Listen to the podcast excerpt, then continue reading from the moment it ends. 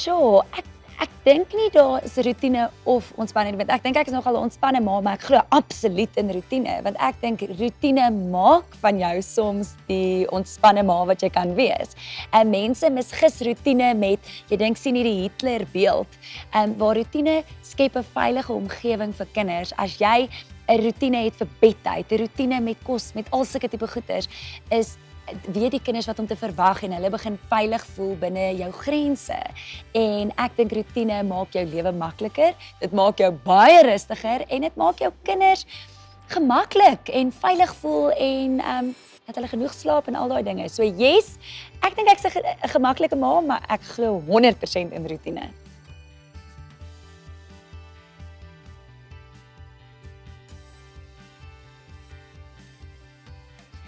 My benadering tot dissipline is dat nommer 1 is dissipline uiters belangrik.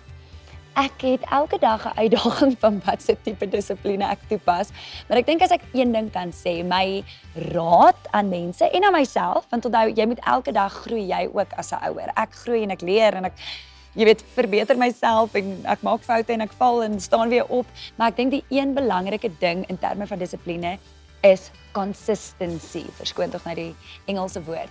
Maar om altyd konsekwent en dieselfde en consistent te wees. Ehm um, laat kinders ook veilig voel. As jy besluit het dat iets nee is, hou by jou nee. En pappa en mamma en almal moet by daai nee hou want dan begin 'n kind ook te besef dat daai is die grens want hulle gaan dit altyd toets. So uh, ek voel dissipline is uiters belangrik. Ek dink sonder dissipline het ons 'n wêreld uh, waar kinders nie meer mense respekteer nie, waar mense nie meer mense respekteer nie. Um en dis dis my mooi. Dissipline is my mooi. Uh so ja, so ek probeer elke dag om dissipline op 'n liefdevolle maar streng manier toe te pas en om te hou by dit wat ek sê.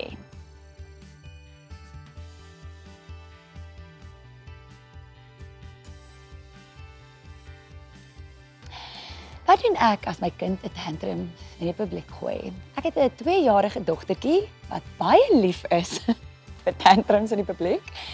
So, om 'n voorbeeld te gee. Hulle is in Arbor Kleuterskool. Dit is laerskool reg oorkant laerskool Velend en baie keer dan loop ons sommer oor daai brug wat daar oor die N1 gaan.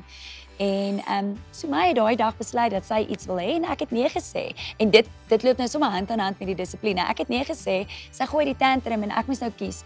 Gee ek vir haar wat sy wil hê en ek los hierdie hele situasie op en ons almal loop gelukkig skool toe of hou ek daarbey en ek vat net maar bietjie daai ongerief. Ek het besluit om die ongerief aan te pak en eerder te hou by my woord. Met ander woorde, sy het haarself op die brug voor die hele wêreld en voor almal wat op die N1 gery het, sy haarself neergegooi. En Wat kan jy doen? Wat kan jy doen? Jy moet vir jouself op daai oomblik sê dat ek is 'n mens, sy is 'n mens. Dit is 'n ouderdomsgepaste affære hierdie. Ek onthou daai dag het ek 'n foto geneem om net vir die wat dink sy is altyd 'n engeltjie te wys dat dit nie noodwendig die geval is nie. En ek probeer ek probeer hulle normaalweg uit die situasie verwyder, dalk weg van die mense af, maar onmiddellik, want ek dink 'n kind het nie altyd die vermoë om 3 ure later te onthou wat eers dan gebeur het nie. Dis dan verby. So ek wil hê ons moet wat ook al nou gebeur het, nou hanteer.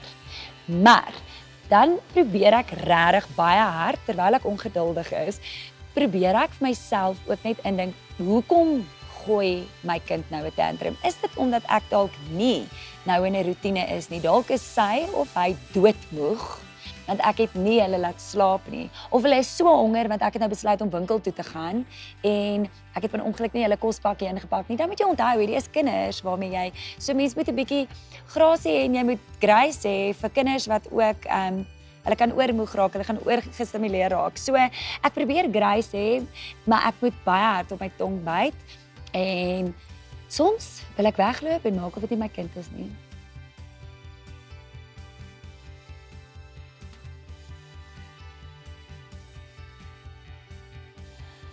OK. Wat maak my mamma hart die gelukkigste? Nou, die Finesse lesers, julle wat hierdie video kyk, meeste van julle is dalk bewus dat ons um, baie lank gesukkel het om kinders te kry.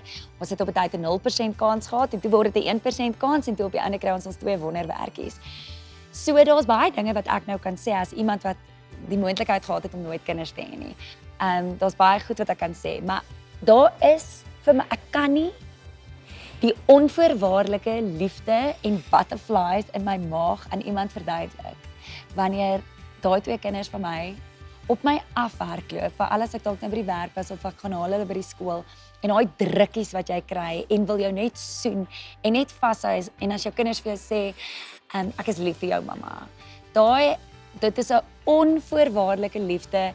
Ek begin al hoe meer daai te verstaan van God en Jesus se onverwaarlike liefde vir ons. Ehm um, toe ek 'n ma geword het, dan besef ek maak nie saak wat jy nou net gedoen het nie. Al het jy jouself op die brug neergegooi of my tafeldoek geknip.